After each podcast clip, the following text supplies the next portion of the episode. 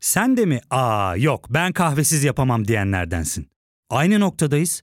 İlk ve tek kahve üyelik uygulaması Frink'le tanış. Hem bütçeni koru hem de hiç bitmeyen kahvenin tadını çıkar.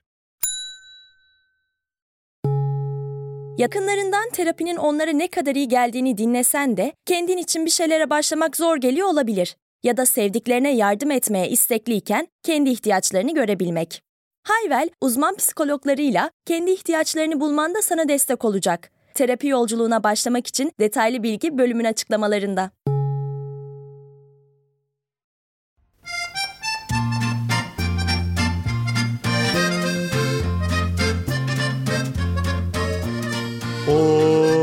Yalına pay oley, yalına pay oley, yalına pay oley, yalına pay oley. Vay be işte bu moralle bugün sonuna kadar iyi gider.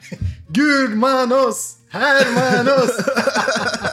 Bu güzelim jingle'dan sonra böyle tribün çocukluğu beklemiyordunuz değil mi? İşte durumlar şaşırtmacalı podcast. Bir de beni de şaşırttı. Halka da dokunan, tribünlerin de ruhunu tutan. Yalın hoş geldin. Hoş bulduk dostum. Nasılsın? Gayet iyiyim, zımba gibiyim, bomba gibiyim, Enerji. gayet enerjiyim. Bunu söyledikten sonra hatırlatmam gerekiyor. Google, Apple, Spotify hangi podcast uygulamasından takip ediyorsanız, bizi dinliyorsanız durumları takip etmeyi unutmayın. Spotify'dan takip ediyorsanız lütfen zile basın. Görüş ve önerileriniz için Instagram ve Twitter'da Yalın Alpay ya da naçizane bana da gürman.timuran diye aratarak Instagram'da, Twitter'da Gürman diye aratarak görüş, öneri, mesaj ve çeşitli duygu durumlarınızı paylaşabilirsiniz.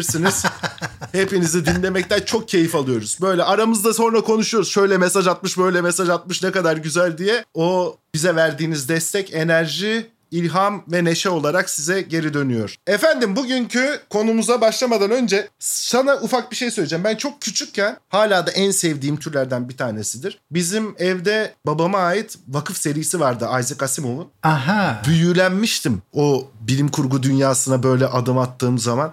Gerçekten algımı açmış, inanılmaz enerji vermişti. Ütopyaları ve bilim kurguları çok severim. Mümkün mertebe de okumak isterim. Bu konuda da iyi bir külliyatım var diye düşünüyorum. Senin hangi konuda yok dostum?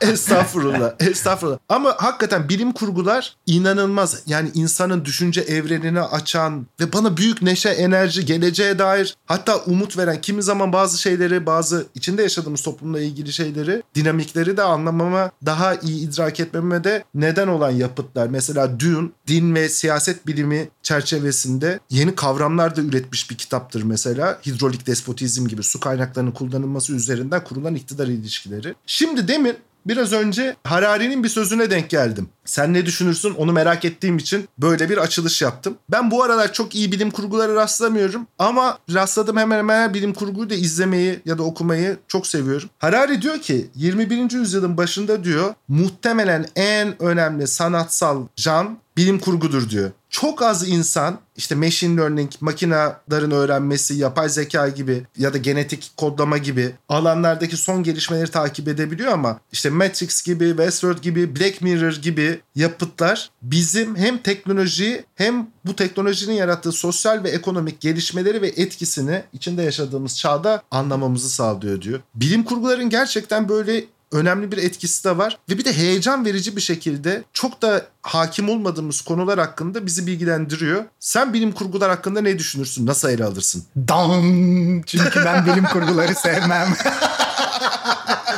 O süper olur ya. Keşke böyle desen. Ama gerçek bu. Gerçekten mi? Sevmiyor musun? Vallahi gerçek. Çok şaşırdım. Neden? Şimdi daha büyük heyecanla dinliyorum. Hani bilim kurgulara bayılırım deseydin o da güzel olurdu dinlemesi ama sevmem deyince gerçekten bir anda çok şaşırdım ve heyecanlandım şu an. Ya, Bunu öğrenmek hakikaten. istiyorum. Vallahi mahcup da oldum yani. Yok niye ya? Çünkü şundan Gürman, ben genellikle sevmediğim konular üzerine hiç konuşmuyorum. Yani şöyle diyeyim, negatif eleştiri yapacağım bir konu üzerine konuşmak istemem ben hiçbir zaman. Lütfen yapar mısın şu an ya? Çok heyecanla bekliyorum. Bilim kurguları yerden yere vur ne olursun. ya canım yerden yere vuracak gibi değil tabii de. Kişisel bir durum yani muhtemelen. Ama şöyle diyeyim yani genel durumumu söyleyeyim. Ben bir konudan, bir kitaptan, bir olgudan, bir kişiden olumlu şekilde titreşim almışsam, benim olanaklarımı genişlettiğini düşünüyorsam, çok zekice buluyorsam veya optimistik buluyorsam onun hakkında konuşmayı, yazmayı tercih ederim. Ama sevmediğim konular hakkında negatif bir şeyi söylemekten hoşlanmadığım için konuşmam. Yani bu şeyde ne kadar kötü bir janrdır, bu yaklaşım ne kadar çirkindir, bu yapılmış resim ne kadar da bayağı filan gibi şeyler hiç benim böyle sözcük dağarcığımda yer almaz. Bilim kurgulara gelince sen zaten çok güzel bir giriş yaptın ve önemli yerlerinin özellikle altını çizdin. Aslında benim de çocukluk kütüphanemde Arthur C. Clarke, Isaac Asimov, H.G. Wells gibi isimler vardı. Fakat nedense bu janr beni küçüklüğümden beri Gürman hiç heyecanlandırmadı. Şöyle olduğunu tahmin ediyorum bunun. Belki Jules Verne'i daha çok seviyordum. Çok özür dileyerek bir lafını bölebilir miyim? Tabii, ya arkadaşlar gerçekten tarihi bir ana şahitlik ediyoruz şu an. Yalın Alpay'ın yazılı bir yapıttan, bir türden hoşlanmadığını öğrendik. Ya inan, a- a- düşünülebilecek bir şey değil mesela. Yalın Alpay çünkü kütüphane halinde okuduğu için yani hani Yok, yok, ben dostum. mesela referans kitapları daha çok severim. O roman ve o konularda eksikliklerim vardır. Daha çok klasikleri seviyorum. Türk edebiyatında Estağfurullah olur mu dostum? Gerçekten öyle. Türk Edebiyatı'nda çok hoşlandığım yazar sayısı ne yazık ki çok az falan. Ama senin yazılı bir yapıttan, bir türden hoşlandığını öğrenmek çok heyecan veriyor şu an bana ya. bir tanesin. Her zaman olumlusun Gürman. Müthiş birisin hakikaten. Seninle partner olmak çok kolay. Vallahi yani hakikaten herkese senin gibi bir partner nasip olsun. ya seninle seninle olmak çok güzel. Ne- diyeceğim bu arada? Ne demek bilim kurguyu seviyorsun? Kapatıp gidiyorum kardeşim.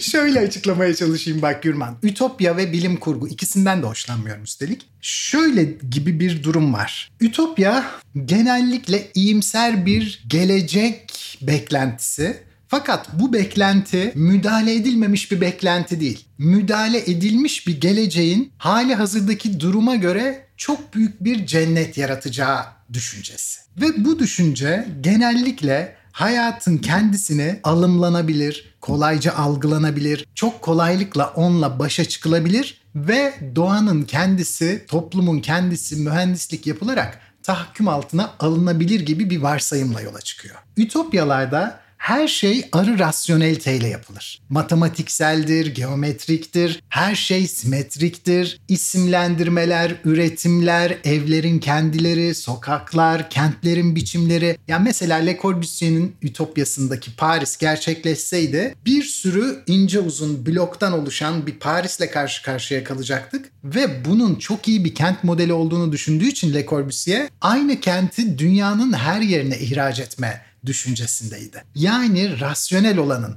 bizim çok hızla erişebileceğimiz ve bize fayda sağlayacak bir tasarımın kağıt üzerinde rasyoneliteyle belirlenmiş bir tasarımın madem en iyi tasarım budur o zaman bütün evrensel durumların bu tasarımla sarmalanması gerekir gibi bir düşüncesi vardır Ütopya'nın. Bu yüzden Ütopya aklın yolu birdir. O birde bulununca her şeye uygulanmalıdır gibi bir düsturun peşinden koşar. Fakat Gürman, geçen bölüm konuştuğumuz üzere insan hiç de rasyonel değildir ve rasyonelite insanın genellikle can sıkıntısına, tutsaklığına, kendisine ket vurulmuşluğuna yönelik hislerle sonlanır. Bu yüzden arı rasyonelite kendisine yabancı gelen irrasyoneliteyi hep küçümser, baskılar, önemsiz görür ve onun toptan yok edilmesi gerektiğini düşünür. Bütün ütopyalar şöyle bir varsayımla yola çıkarlar. Günümüz berbattır, giderek de berbatlaşmaktadır. Bu berbatlaşmanın nedeni ayakların baş olmasıdır. Ayakların baş olmasını tersine çevirerek gerçek büyük zihinlerin hayatı,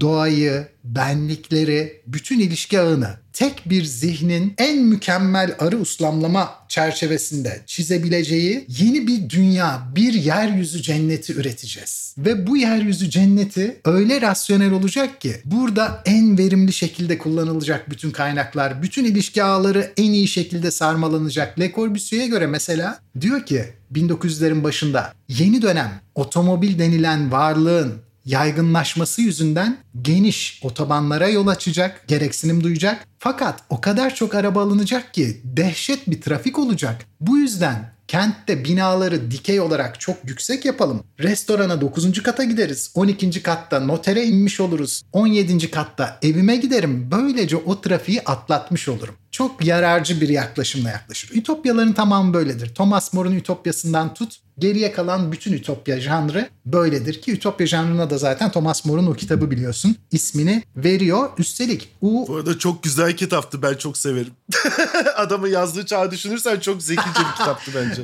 U olumsuzluk eki yok demek yani anlamında. Topya yer, Ütopya yok yerdir. Bu yüzden ütopyaların tamamı şimdiye kadar hiç var olmamış. Fakat şu ana kadar var olanların tamamının yanlış olduğu için bir an önce o yok yerle değişmesi gerektiğine rasyonel olarak temellendirmelerle inanmış olan zihniyetlerin getirdiği bir şeydir. Dikkat edersen Thomas More'un Ütopyası'nda da her yer her yere benzemektedir. Bütün evler aynı şekilde yapılmıştır. Kimse hiçbir şeyin sahibi değildir. O yüzden bazen sosyalizmi Ütopya'ya dayandırma girişimleri de sıkça karşımıza gelir. Ama biliyorsun o dönemde pat pat pat bir sürü güneş ülkesi filan gibi pek çok Ütopya Tabii Campanella'nın Güneş Evet, Ülkesi. Peşi Evet. sıra yayınlanacak, çıkacak. Şimdi Gürman şöyle düşünüyorum. Arı bir rasyoneliteyle insanın irrasyonel bütün her şeyinin dışta bırakıldığı ve irrasyonelitenin küçümsendiği bu toplum ve ilişki ağı, kültür, sosyoloji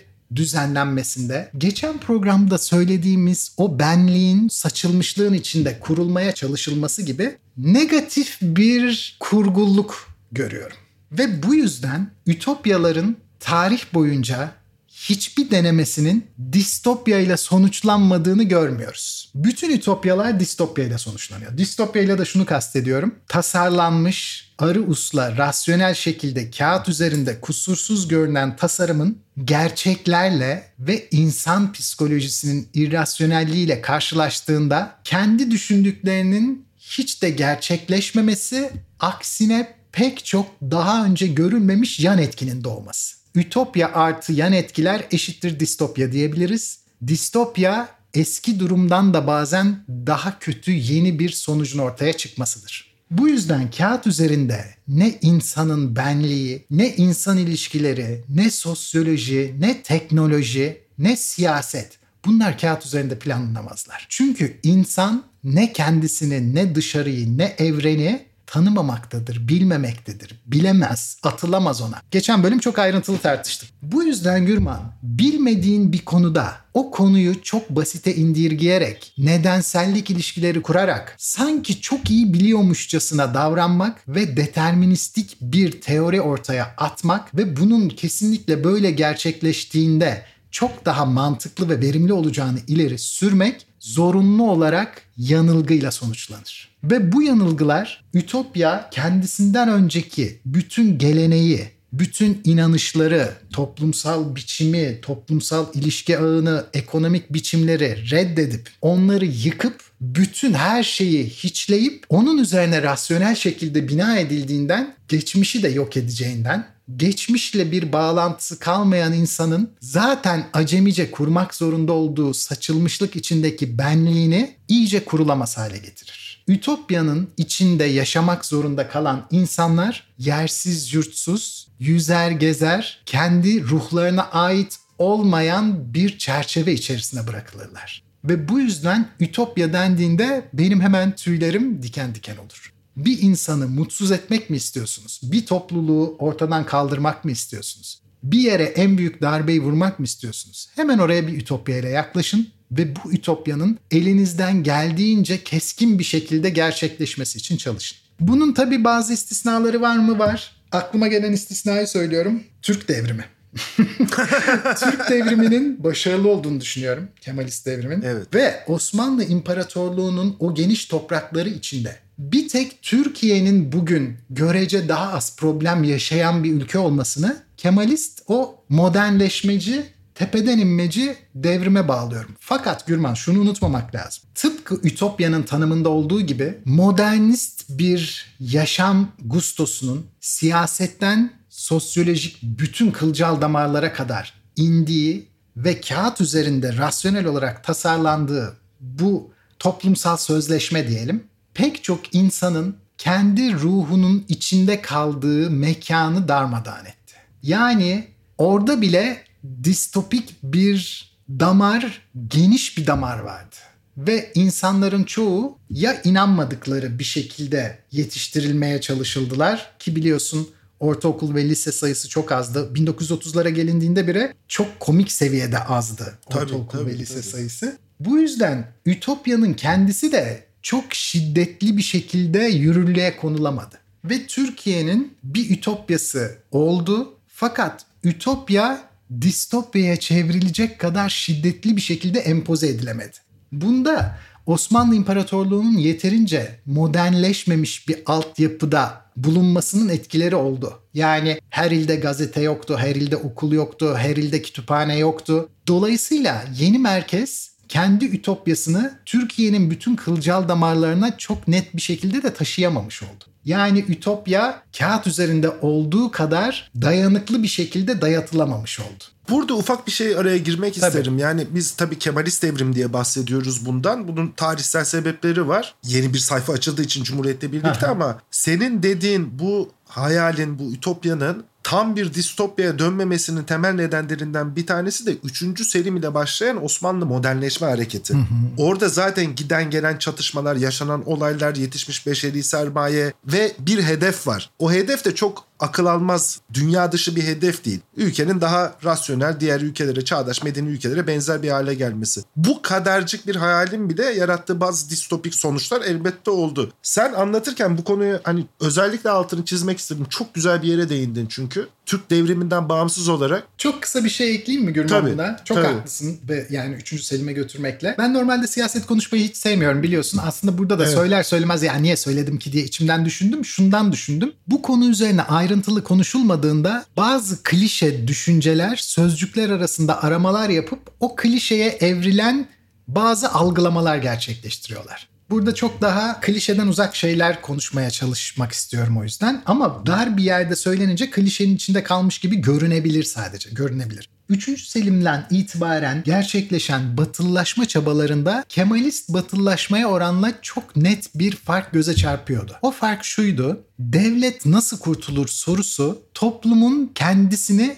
içermeyen bir durumdaydı Osmanlı batıllaşmasında. Yani sıradan okuyucunun nezdinde genellikle saray ve saray çevresi, ordu, bürokrasi batıllaşmaya en çok direnen yerler olarak algılanır. Fakat bu doğru değildir. Aksine batıllaşmanın tam manivelası, merkezi motoru ve motoru evet onu harekete geçiren yer tam da saray, bürokrasi ve ordudur. Fakat Kemalist modernleşmeden farklı olarak bunun toplum için gerekli olduğunu düşünmez. Çünkü hem buna uygun zaten araçları da yoktur. Sivil toplum denilen şey henüz yabancı bir kavramdır ve dahası mesele devletin kendisini kurtarmaktır. Sorulan soru toplumu kurtarmak değildir. Devleti kurtarmaktır ve devleti kurtarmanın yolu batılı olan modernite dediğimiz ve batıda şu anlık yani o dönem için söylüyorum gerçekleşen meselenin yani aslında modernitenin alımlanmasıdır ve batıda olduğu için buna batılılaşma denmektedir o dönemde. Ve sıkça bildiğimiz üzere ne derler düsturları nedir? Biz ahlaki olarak batılılaşacak değiliz. Çünkü ahlakın en üst seviyesi bizdedir. Toplumsal adetlerin, yapının en fevkaladesi bizdedir. Bizde eksik kalmış olan teknolojidir ve düzenlenmedir, devlet düzenlenmesidir. Bunu da oradan alacağız. Ya fark ettin mi? Biz en çok kahveye para harcıyoruz. Yok abi, bundan sonra günde bir. Aa, sen Frink kullanmıyor musun? Nasıl yani? Yani kahvenden kısmına gerek yok. Frink'e üye olursan aylık sadece 1200 TL'ye istediğin çeşit kahveyi istediğin kadar içebilirsin. Günlük 40 TL'ye sınırsız kahve mi yani? Çok iyiymiş. Aynen. Hatta şu anda 200 TL'lik bir indirim kodu da var. E hadi hemen indirip üye ol da bu fırsatı kaçırma. Terapiye başlamak, içinden çıkamadığın döngüleri kırmak, bazı yanlış bulduğun kararlarını değiştirmek ve kendinle beraber daha huzurlu bir yaşam inşa etmek için atabileceğin en değerli adımlardan biri. Hayvel ile yoğun yaşam tempona uyum sağlayarak online terapi seanslarını takvimine göre ayarlayabilirsin. Bini aşkın uzmandan sana en uygun terapisti seçebilir, podb10 koduyla indirimden yararlanabilirsin. Detaylı bilgi açıklamalardaki bağlantıda. Şimdi buradan hemen atlıyorum geçiyorum çünkü bu konuyu konuşmak istemiyorum. Evet, evet ben de şunu söylemek istiyorum ben. Burada şey yapalım bu Türk modernleşmesini belki başka bir zaman ayrıca konuşuruz seninle ama şu senin dediğin dikkatimi çekti. Çok güzel bir noktaya değindin. Gerçekten 15-16. yüzyılda aydınlanma hareketi başladığı zaman ütopyalar bir anda pıtrak gibi çoğalıyor. Daha iyi bir dünya hayalinin çünkü o zaman hakikaten hem tabanı var hem de isteyen insanlar var ve bir de işte matbaanın o zaman ortaya çıkması bu tip kitapların daha kolay basılabilir, yayılabilir olması bu tip eserlere izin veriyor. Fakat gerçekten sen konuşurken dikkatimi çekti. Modernizmin sonuna doğru artık 19. yüzyıldan 20. yüzyılın sonuna doğru geldiğimizde özellikle 20. yüzyılda yaşanan bazı ütopyaların yarattığı korkunç tablolar. Nazizm de bir ütopyadır kendi çerçevesinde Kesinlikle. çünkü. Korkunç tablolar distopyalarda patlama yarattı. Evet. Dikkat et önemli distopyaların hemen hemen hepsi neredeyse çok yakın bir zaman aralığında çıkıyor. İşte Zamiyeti'nin Bizi, 1984 değil mi? Fahrenheit 451. O da Aynen çok öyle. ciddi bir distopyadır. Bütün bu distopyalar esasında modern dönemde ütopyaları kırılan bireylerin yaşadığı acıların da bir yerde ifadesi oluyor herhalde. Çok güzel özetledin. Kesinlikle böyle. Distopyaların peş peşe yazılmaları ve çok etkili olmaları da kurulan ütopyalarının hiçbirinin ütopik sonuçlar vermediği hep distopik sonuçlar verdiğinin anlaşılması üzerine refleks olarak yazılan şeyler. Şimdi gelelim bilim kurgu meselesine. Hani ütopya ile bilim kurguyu beraber söylemiştin. Bilim kurguda şöyle bir sorun görüyorum Gürman. Gelecek bizim tahmin edemeyeceğimiz kadar çok sayıda fazla bileşenin beraberce ürettiği bir mesele olarak üstelik de bizim henüz bilmediğimiz yeni teknolojik gelişmelerin de bunu çekiştireceği bir bilinmezlik tahayyül alanı olarak bizim hesaba katmamızın mümkün olmadığı milyarlarca özgür iradenin yanı sıra hiç bilmediğimiz yeni operasyonel ilişki ağlarının doğmasını bu yüzden asla tahmin edilemeyecek çok dehşet bir karışıklık ortamını geçmişin ölçütleriyle tahmin etmeye çalışmaktır. Bu yüzden çok ilkel kalmış olan ölçütlerle ve ilkel kalmış tanıdığımız kavramlarla, ilişki ağlarıyla, bakış açılarıyla henüz nasıl gelişeceğini bilmediğimiz bir ortamı tahmin etmeye çalışmak veya onu kıstırmak, onu biçimlendirmeye çalışmak bana çok acemice bir kalkışma gibi görünür hep. Mesela internet ortamında da bunu görmüş olduk. İnternet ilk ortaya çıktığında ne deniyordu? Mükemmel bir yeni bilgi ağı, demokratikleşme için inanılmaz bir araç. Dünya kesinlikle eskisi gibi olmayacak. Artık sivil toplumun ve bireyin gücü devlete kesinlikle galebe çalacak. Gerçekleşen bu mu oldu? Tam aksi değil mi? Çünkü irrasyonel insanın özgür iradesinin nasıl davranacağını bilmediğimiz gibi teknolojik yeni gelen bir altyapının hangi aparatlarla ve uygulamalarla birleşeceği, hangi çıkar gruplarına ne şekilde yeni olanaklar açacağı, durumların, paranın, transfer olan bilginin ne tarafa doğru büküleceğini öngöremeyeceğimiz kadar grift bir alanda yaşanacağı için bunları tek bir zihnin 200 sayfalık bir kitapta öngörüp böyle böyle olacak demesi hiç tanımadığı araçları, kavramları, insan davranışlarını ve teknolojik üretimleri geçmişin çok eskide kalmış, köhnemiş, yeniliklerin hiçbirisini açıklayamayacak kapasitede, düşük kapasitede olan ölçütleriyle ve değerlendirme alışkanlıklarıyla değerlendireceği bir gelecek projeksiyonu olduğundan bu bana çok zayıf bir tahmin olarak görünür hep. Sana destek olacak bir şey söyleyeyim mi? Eyvah fikrini mi değiştirdim? Hayır hayır ben bilim kurgulardan çok memnunum. Devamda Tamam, edeceğim. bir tanesi. Fikrim de değişebilirdi bu arada ama bu söylediğin yani biz netice itibariyle canım biz Fenerbahçe'yi tutar gibi bilim kurgu tutacak değilim yani. Süpersin. E, evet. Bir kısmı eksiklikleri var, bir kısmı iyi yönleri var. Böyle değerlendirmek lazım her şeyi. İyi bilim kurgulara bakarsanız birçok güzel bilim kurgu eseri çıktı. Özellikle işte 2000 yılına kadar çok önemli bu konuda zihin açıcı işte Asimov gibi yazarlar, Frank Herbert gibi yazarlar müthiş eserler ortaya koydular. Çok ilginç bir şey var. Hiçbir bilim kurguda Star Trek dahil internet yok. Hiç kimse interneti hayal edemedi. Haklısın. Ne kadar zor koşullarla yapılan bir çaba olduğunu da bu altını çiziyor. Çünkü gerçekten dediğinde şöyle bir şey var. Mesela antik Mısır'a gidelim. Antik Mısır'da yaşayan bir adam işte Herotlar gelmeden önce değil mi o at arabalarını hayal edemezdi. Çünkü daha önce hiç öyle bir şey görmemişti.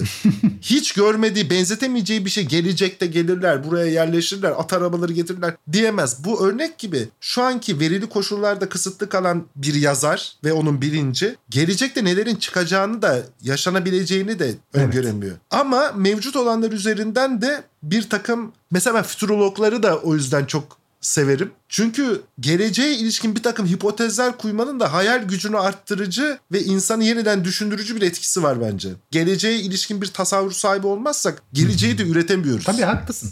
Genelde mahcup eder ama insanı yani. E tabii canım o kesin yüzde yüz.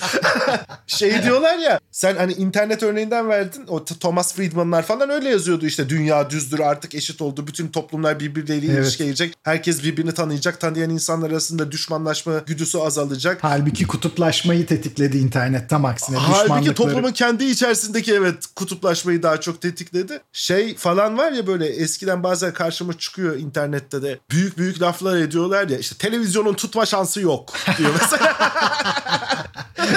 Ya 19. yüzyılda patent enstitüsü artık bulunacak yeni bir şey kalmadı diyor.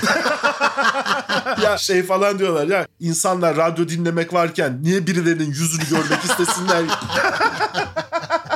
Senin meymenetsiz suratını diyor değil mi?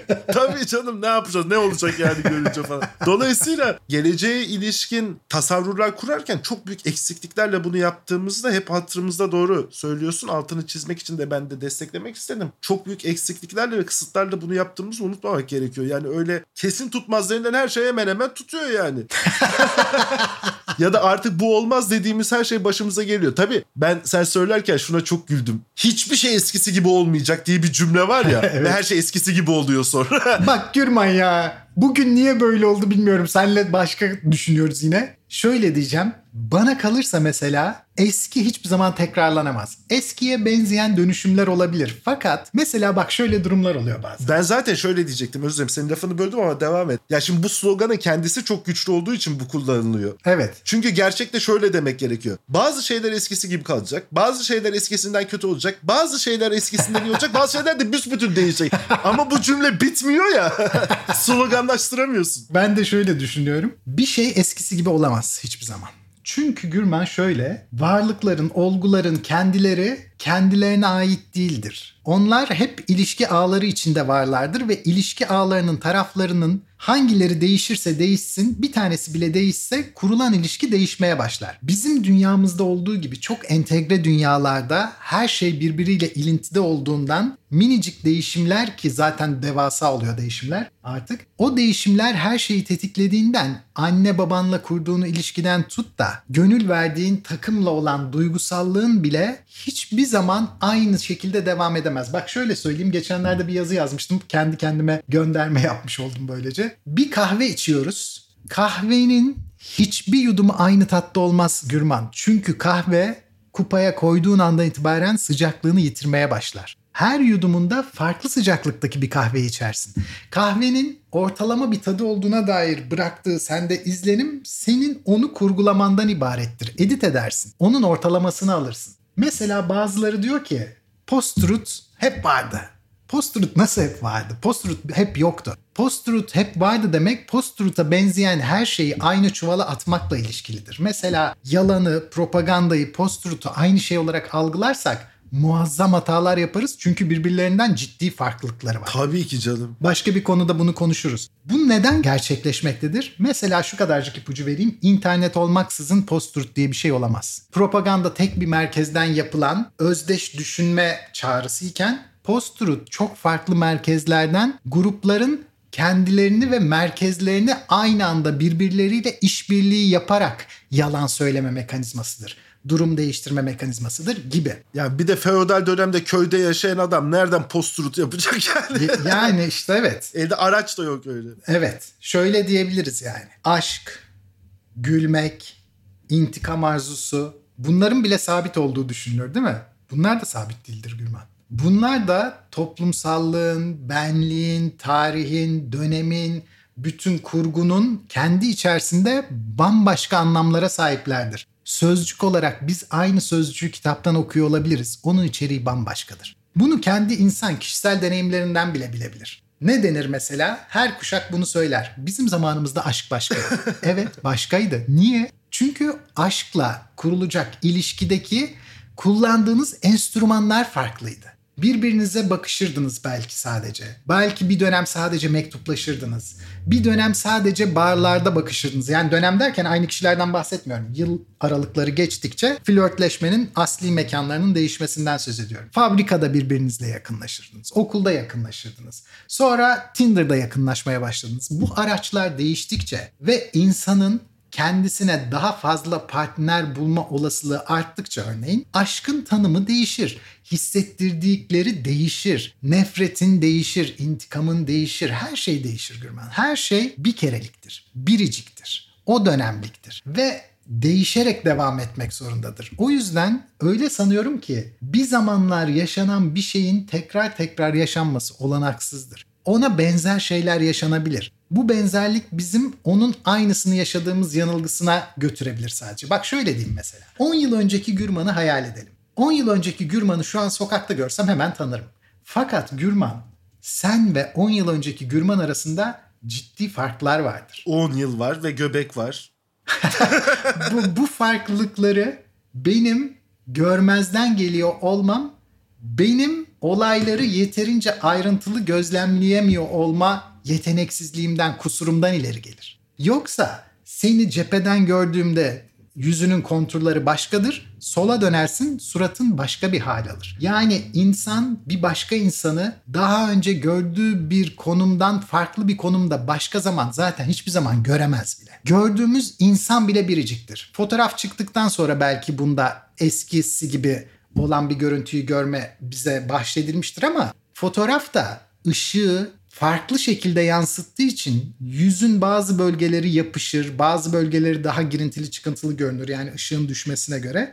Bu yüzden o da yanıltıcıdır. Yani şunu söylemek isterim. Hayat hiçbir koşulda tekrarlanamayacak sürekli biriciklikler üzerinden gider Dolayısıyla tarih de öyledir. Çok büyük bir isabetsizlik gibi geliyor bana. Sürekli her şey aynıdır. Hiçbir şey aynı değildir. Senin dünyayı alımlama algoritman bir kere oturmuşsa sen çektiğin bütün verileri o algoritma ile yorumlamaya çalıştığın için sana sadece her şey aynıymış gibi gelir. Ama bunu da şunu söyleyeyim. Benim dediğim doğrudur, geriye kalanlar yanlıştır olarak söylemiyorum.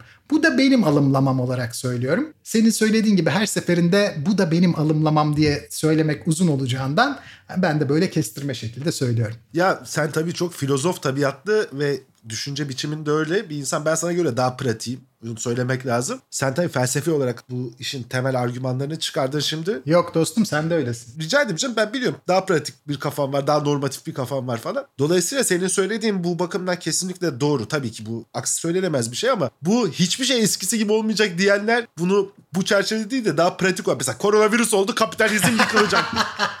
Dünyadaki her şey bambaşka olacak. İşte ne bileyim şu internet geldi artık bütün dünyayı demokrasiler donatacak. Hiç başka bir şey kalmayacak. Şimdi anladım dediğini evet çok haklısın. Dolayısıyla o pratik bakımdan öyle olmuyor o işler. Yani evet. bazı şeyler gelen yeni teknolojiler, yeni imkanlar, yeni üretim araçları, yeni toplumsal örgütlenme modelleri bazı şeyleri değiştirirken eskideki bazı üretim biçimlerini, modellerini, yapılarını vesaire de sırtlarında taşıyorlar. Onların da gelecekte etkisi oluyor manada demiştim ben. Gürman çok güzel açıkladın. Bak buna bir örnek vereceğim. Aslında biliyorum zamanımızı da çok açtık. Hemen toparlıyorum. Hiç dinleyicilerin rahatsız olduğunu zannetmiyorum. Sürekli diyor ki daha çok konuşun, daha çok konuşun. Ama senle ben rahatsız oluyorum.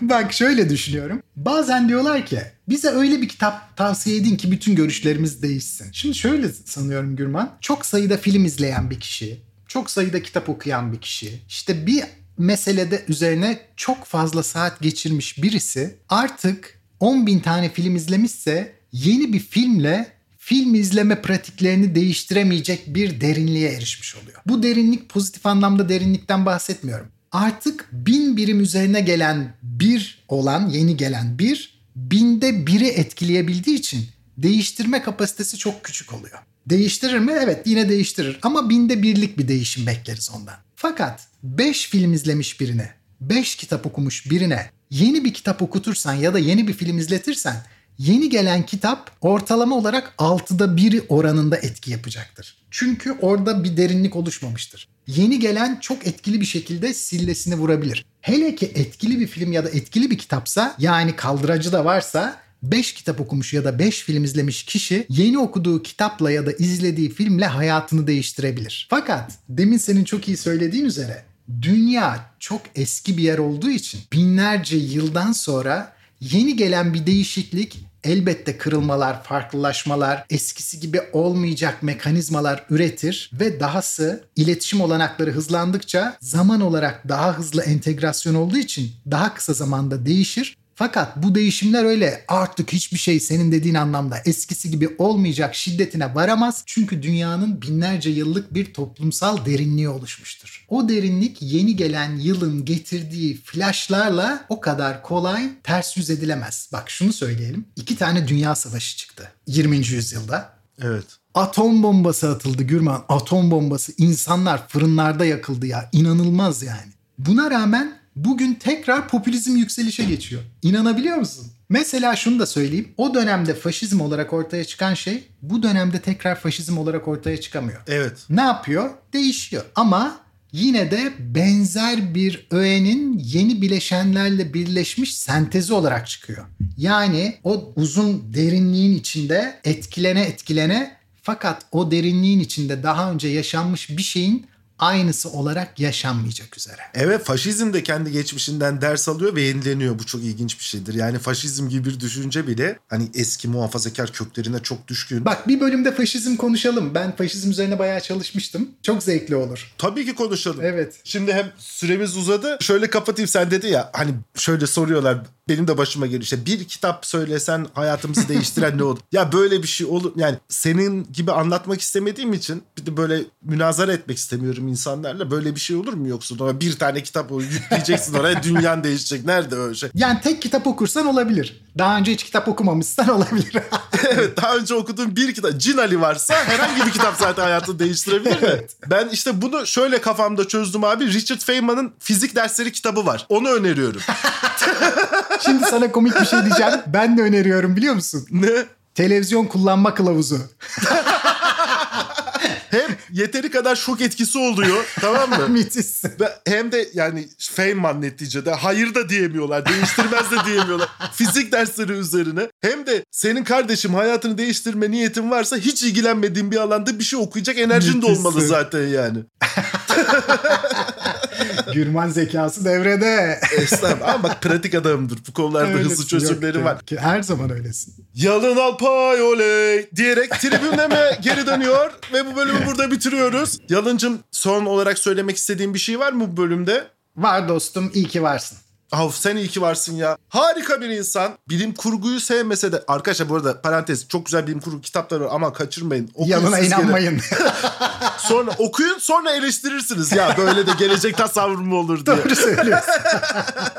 Şimdilik hoşça kalın demeden önce bir kere daha hatırlatmak istiyorum. Instagram ve Twitter'da Yalın Alpay aratıp takip edip mesaj atmayı unutmayın. Instagram'da naçizane beni de gürman.timran diye aratıp Twitter'da gürbante takip edip mesajlarınıza boğabilirsiniz. Her şeyi söyleyebilirsiniz. Mesaj kutum açık kürsü gibi. Sizi dinlemeye bayılıyorum. Müthişsin dostum ya. Sen var ya. Hadi görüşürüz. Kendine çok iyi bak. Görüşmek üzere. Çok sevgiler Gürman. Hoşçakal. Haftaya buluşuruz. Tabii ki.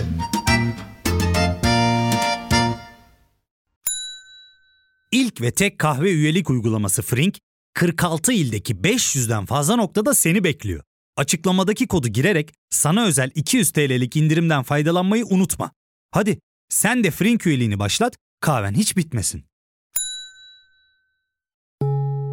Hem bugününe hem yarınına katacaklarıyla terapi yolculuğuna ve daha iyi hissetmeye bugün Hayvel ile başla. Açıklamadaki linkten Hayvel'i indir, ücretsiz tanışma görüşmelerinin ardından bütçene uygun seans paketini seç ve terapi yolculuğuna başla.